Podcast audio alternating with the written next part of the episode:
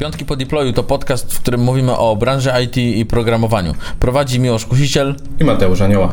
W naszych dyskusjach e, ściera się świat frontendowy i backendowy. Możecie nas słuchać co drugi piątek na Spotify i Apple Podcast, a oglądać możecie na YouTubie.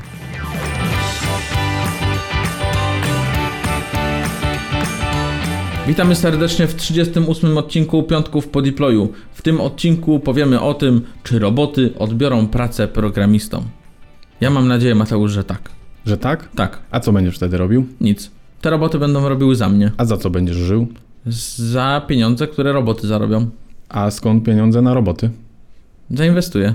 okay. No, ale to, to, no Mateusz, powiedz mi. Czy nie jest teraz tak, że jak ktoś tworzy sobie fabrykę, ma tam roboty, to te roboty zarabiają dla niego pieniądze. Dokładnie tak. To my możemy zrobić dokładnie tak samo. Kupić sobie robota programistę, na przykład nazwijmy go Alfred, programista, i on będzie sobie programował. Będzie rozmawiał z klientem, będzie rozmawiał z PM-em, będzie agile'owy, będzie scrumowy, będzie książkowy. Będzie robił wszystko idealnie. Będzie robił zgodnie z wzorcami projektowymi, zgodnie z każdą książką. Nawet będzie hakował ludzi jak Kevin Mitnick. Wszystko będzie robił. Gdzie ty się tych głupot naczytałeś?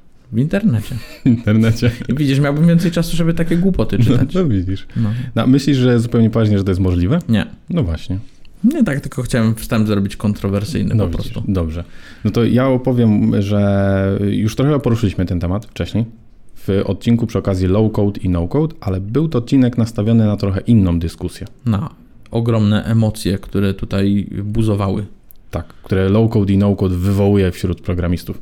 Że tam skupiliśmy się na tym, czy w ogóle jest to narzędzie dla programistów, czy dla osób e, no jednak mniej technicznych, natomiast nie, czy to narzędzie zastąpi programistów w ogóle. Bo nie Doszliśmy zastąpi. tam do wniosku jakiegoś? E, no mieliśmy e, różne wnioski, nie do okay. końca. Dobra. Bardzo to... się cieszę, że każdy z naszych widzów i słuchaczy będzie mógł sobie sam ocenić i wrócić do tego odcinka. Dokładnie. Wiesz co, ja tak przy okazji się w ogóle zastanawiałem tych robotów, tak ogólnie mówiąc, czy zastąpią tutaj pracę programistów, czy nazwijmy to też algorytmów, bo czytam ostatnio taką książkę Hello World i ona omawia jakby algorytmy, to które wcześniej, są... Mateusz, no, w twojej karierze. Tak, tak, no, no Hello World, no. E, no kiedyś trzeba zacząć, nie? Jakby no wiesz, tak. fake it till you make it, nie? I tam jakby było postawione takie pytanie, czy jakby komputerowe programy i sztuczna inteligencja e, będą podejmować większość decyzji za nas? I, I, tam było omówione zastosowanie algorytmów na przykład mm, w przestępczości, w wymiarze sprawiedliwości, w medycynie, też e, w sztuce. I ogólny wniosek był taki, że na, przynajmniej na ten moment nie możemy zawierzyć yy, algorytmom 100%, nie możemy im oddać pełnej decyzyjności, że jednak yy, algorytmy muszą współpracować jakby z człowiekiem? Na, do takiej bardziej współpracy dążyć, a nie do yy, pełnego zastąpienia ich pracy. Mi się wydaje, że to wynika też z tego, że chcemy mieć nadal kontrolę nad czymś.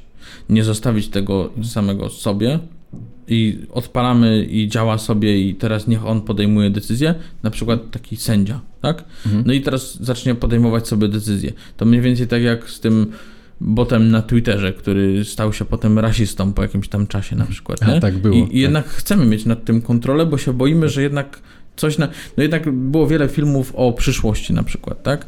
Gdzie to roboty przejmowały władzę i potem nagle człowiek walczył z tymi robotami, żeby je tam zniszczyć, a sam je stworzył? Tak. Więc wydaje mi się, że tego ludzie się trochę mogą obawiać, nie? Wiem, że to takie wychodzenie w ogromną przyszłość, ale myślę, że gdzieś tam z tyłu głowy ktoś tam coś ma i jednak zawsze gdzieś tam robimy ten czerwony przycisk do wyłączenia. Nie? No wiesz co, a właśnie z drugiej strony to nie jest, to nie jest tak, że mm, chcielibyśmy tą odpowiedzialność zrzucić, żeby potem powiedzieć, łe, to nie ja, to przecież algorytm? To, to teraz nawiązujesz może do tych robotów, które tam miały, nie wiem, automatycznie strzelać na przykład. Coś takiego hmm. było, nie? To i tak jest coś, co pozwala wyłączyć to w ogóle, nie? No może, może ktoś chce się powiedzieć, że to nie ja, to robot, nie? To tak jak ktoś idzie z psem i to nie ja, to hmm. mój pies ale ugryzł tam człowieka na przykład, nie? No ale to jednak odpowiada właściciel za to, nie? I myślę, że tutaj przy takich robotach też by tak było. Tylko mhm. teraz my mówimy o robotach jako takich, powiedzmy, fizycznych bardziej, nie? Mhm. A jeżeli mówimy o zastąpieniu programisty, no to mówimy o programie po prostu, nie? Nic tam mhm. skomplikowanego po prostu, no. If, while jakiś, for No, i tyle. I tyle, no. To jest cała filozofia. Wiesz co, w kwestii tych y, sędziów jeszcze, o których mówiłeś i wspieranie ich w podejmowaniu decyzji, to mm, właśnie też jakiś czas temu czytałem, że niestety, ale te decyzje, które oni podejmują, czy kary, które wymierzają, no bywają bardzo niekonsekwentne i w ogóle często zależą od pory dnia. E, Na przykład, że przed lunchem lub po lunchu potrafią dla takich samych przypadków wydawać zupełnie inne decyzje. Em, No i tam jest y, i, i, i takie rozwiązanie, które właśnie się proponowało, to nie jest to, żeby y, polegać właśnie w 100% na algorytmie, który przeanalizuje ileś przypadków i da nam najlepsze rozwiązanie, na przykład jaki tutaj powinien być wymiar kary, tylko żeby taki sędzia też poprzez swoje doświadczenie i wiedzę wyłapywał te przypadki fałszywie pozytywne czy fałszywie negatywne. Czyli jeżeli algorytm stwierdzi, że dla danej osoby da e, no, nieproporcjonalnie wysoką lub nieproporcjonalnie niską karę, to on to powinien wyłapywać, a tak to powinien się sugerować na tym, co właśnie ten algorytm rzeczywiście tam podpowiada. Po, powiedziałeś sugerować i myślę, że to samo będzie dotyczyło programistów. Czyli żeby to sugerowało programiście, co ma zrobić, jak ma zrobić, co może poprawić i tak dalej. I myślę, że to będzie kluczowe. Czyli powiedzmy, że możesz mieć takiego kumpla, program, kumpla program, który będzie za ciebie robił pewne rzeczy, ale w taki sposób, że będzie ci sugerował. Czyli no już się to tak naprawdę dzieje, nie? Przecież mamy, e, czy właśnie o, w IntelliJ'u na przykład jakieś tam podpowiadanie składni, jakieś, nie wiem, nazw i tak dalej i to tam działa podobno, bo nie wiem, nie widziałem tego kodu, ale na sztucznej inteligencji, machine learningu i tak dalej, wszystkie buzzwordy świata tam już są. E, No ale działa, nie? Ogólnie to mogę powiedzieć, że działa. Więc y, to już jest mega pomocne, nie? No kiedyś nie używano kalkulatorów, a teraz kalkulatory używamy i one nam też sugerują jakieś rzeczy, przyspieszają jakieś rzeczy, rzeczy, które są dla nas w ogóle nudne, nie? To myślę, że praca programisty będzie jeszcze ciekawsza, bo rzeczy, które możemy zauważyć, że są dla nas nudne, oddamy po prostu tym, którzy się mogą tym zająć i nie będą narzekać, czyli robotom. Czyli zamiast przeszukiwać dokumentację, to już e, jakby ci nasi asystenci będą nam to podpowiadać. Ja myślę, że jak y, mogli, mogłoby tak być, że jak tylko pomyślisz o czymś, Mhm. e, to od, no to wybiegamy w przyszłość, e, pomyślisz o czymś, na przykład mówisz, o kurczę, teraz mam taki i taki problem, Mhm. to do, od razu dostajesz odpowiedź. Ty byś miał takiego, wiesz, seniora obok Okej. i mówisz, kurde, mam taki problem, bo tutaj mam na przykład, chcę zapisać więcej danych do Mongo w jednym czasie na przykład, nie? I on mówi, dobra, Miłosz, słuchaj, to zrób tak, tak i tak i uważaj na to, na to i na to. Zmień bazę danych. Zmień bazę danych. No. Tak ja bym miał takie, y, y, takie rzeczywiście narzędzie i żeby już podpowiadało na zasadzie tego, co myślę, to myślę, żeby otwierało Facebooka co 5 minut. Wiesz, to było takie narzędzie podobne też do tego IntelliJ'a czy IntelliSense, e, się nazywa Tab9 i słyszałem, że dużo osób właśnie On ostatnio jest to właśnie polecało. w IntelliJ'u też. A, też jest. No, ale możesz dodatkowo sobie to widziałem wykupić i to też jakby też na jej głównej stronie oczywiście występuje słowo AI e, i że ci inteligentnie będzie podpowiadać e, składnie. I, I jestem ciekaw właśnie, jeżeli jacyś nasi słuchacze też korzystają z tego typu narzędzi, to dajcie nam znać, jak one się sprawdzają, czy jesteście zadowoleni, z których korzystacie. Tak jest. Mateusz, bo w tytule mamy w ogóle, czy roboty odbiorą pracę programistom. A na chwilę zrobimy taki mały plot twist i Mhm. zapytajmy, czy na przykład zabiorą nam PM-ów. Czy mogą zastąpić PM-ów? To rozumiem, że mamy dać jakiś standardowy żart, tak? że wystarczyłoby mieć klawiaturę z jednym przyciskiem forward. Albo ostatnio y, widziałem takiego mema, że była y, papuga, która nauczyła się mówić y, house progress y, i została awansowana na PM-a. I krzyczała potem velocity, velocity. Velocity, no wykresy Ganta jeszcze tylko Tak. zrobi do kompletu i, i No. jest. Bo myślę, że to nie, nie dotyczy tylko programistów w ogóle, nie? No bo wszystkich w branży jakby IT. No mamy coraz więcej narzędzi, z których korzystamy, jest nam łatwiej. Mieliśmy kiedyś karteczki, które przyklejaliśmy sobie i tak dalej, a teraz mamy murale i inne cuda, które nam ułatwiają to, nie? Tak, tylko e, że wi- wiele z tych narzędzi służących do automatyzacji jednak automatyzuje te taski bardzo powtarzalne, monotonne i nudne, czyli teoretycznie, przynajmniej z definicji, powinny nam pracę jakby ułatwiać uprzyjemniać, że nie no, robimy... mówiłem to, co to mówiłem wcześniej, że będzie taka ciekawsza ta praca tak naprawdę, nie? W ogóle, Mm. jak popatrzymy sobie nie tylko na branżę IT, tylko na inne branże, no to dążymy do tego, żeby robić te ciekawsze rzeczy, a te nudne oddawać komuś innemu po prostu i, i, i tyle, nie? Mhm. Wiesz co, jeszcze przy, przy okazji przygotowania się tego odcinka przypomniałem sobie, że jakiś czas temu widziałem takie narzędzie i odszukałem je teraz i ono jest stworzone na podstawie tego algorytmu GPT-3, czyli który to jest taki algorytm E, czy model tam bodajże e, procesowania języka, który jest w stanie stworzyć działający kod reaktowy. Jest taka strona, możecie sprawdzić. Ale taki Hello World tylko? Czy? E, właśnie troszeczkę były bardziej zaawansowane przykłady. Tam jest strona się nazywa debuild, już nie pamiętam, co, czy kom, jak piszecie? Debil? Debuild, debuild. No, Aha, a, no może dobrze. Mhm. I, I tam były takie przykłady, że na przykład e, w textboxie ktoś wpisywał stwórz dwa przyciski, jeden mówi dodaj 3 dolary, drugi odejmij 3 i na dole pokaż e, na przykład tam status, nie? On rzeczywiście generował, nie? Jakby działający kod reaktowy. Potem inny był taki przykład e, dodaj logo Google'a, dodaj jakby input search i dodaj dwa przyciski tam search i I'm feeling lucky, coś takiego. Mhm. To tworzą. To były proste przykłady, ale gdzieś już pokazywał pokazywały, że na podstawie jakby wiesz, można by teoretycznie wziąć opis taska i stworzyć do niego kod reaktowy. To wszystko zmierza w złą stronę, Mateusz. W złą stronę. A zastanówmy się, Mateusz, jeszcze nad taką rzeczą. Bo jeżeli będziemy mieli tych ziomków, hmm. którzy będą nam doradzać, roboty takie, tak. skrypt jakiś, cokolwiek, będziemy się z nimi komunikować przez API, czy nie wiadomo jak, hmm. myślami. Myślami, no. No to będzie potrzebnych mniej programistów tak naprawdę, co? Wydaje mi się, że nie. Czy będą potrzebni programiści, żeby tworzyć więcej takich y, robotów, skryptów? Wiesz co, wydaje mi się, że y, w ogóle jak spojrzymy na historię programowania, to programowanie jest coraz bardziej wysokopoziomowe, tak? Nie mówię, że nie piszemy w C, ale no nie piszemy w jakimś y, assembly, tak? I, i znaczy, jednak... my nie piszemy. No, my nie piszemy, ale no ktoś nadal Tam w Stanach pisze. nadal robią tak. w Kobolu.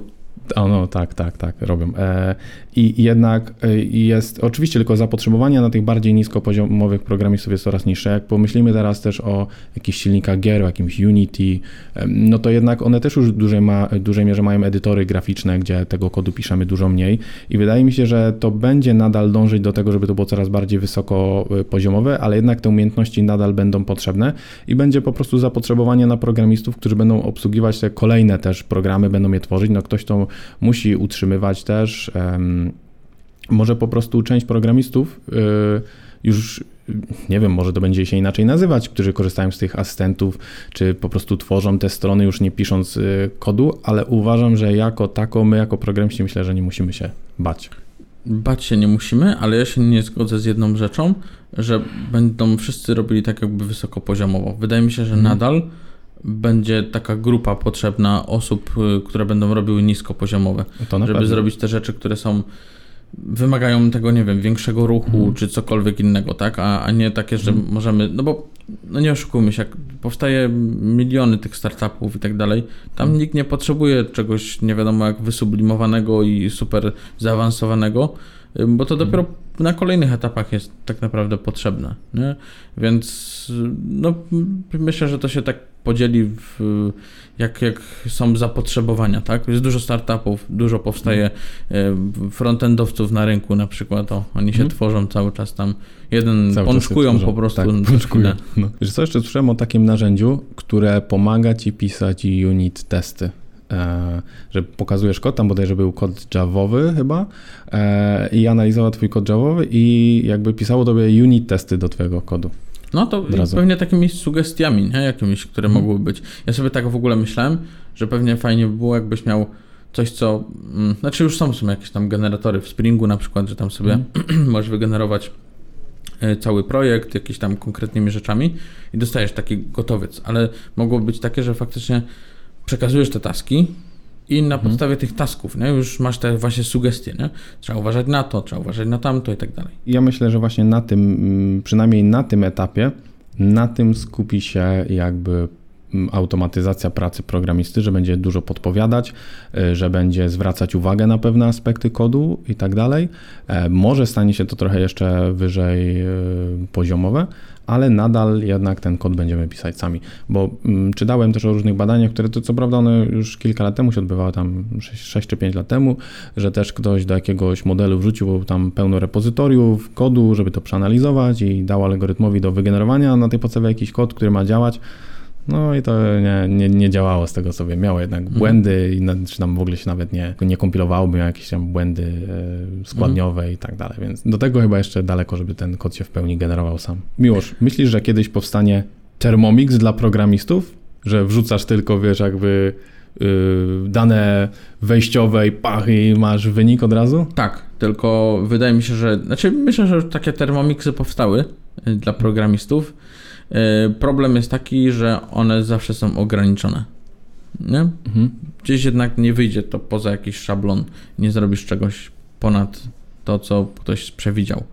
Y, Albo w ogóle, że no dobra, okej, w Thermomixie możesz dodawać nowe przepisy. Podobno, bo ja nie mam takich rzeczy. Ja opieram się na po prostu kulinarnych y, doświadczeniach prosto z YouTube'a i sam próbuję coś robić. I zamawiasz mąkę z Włoch Też, i makarony. tak. I robię pizzę.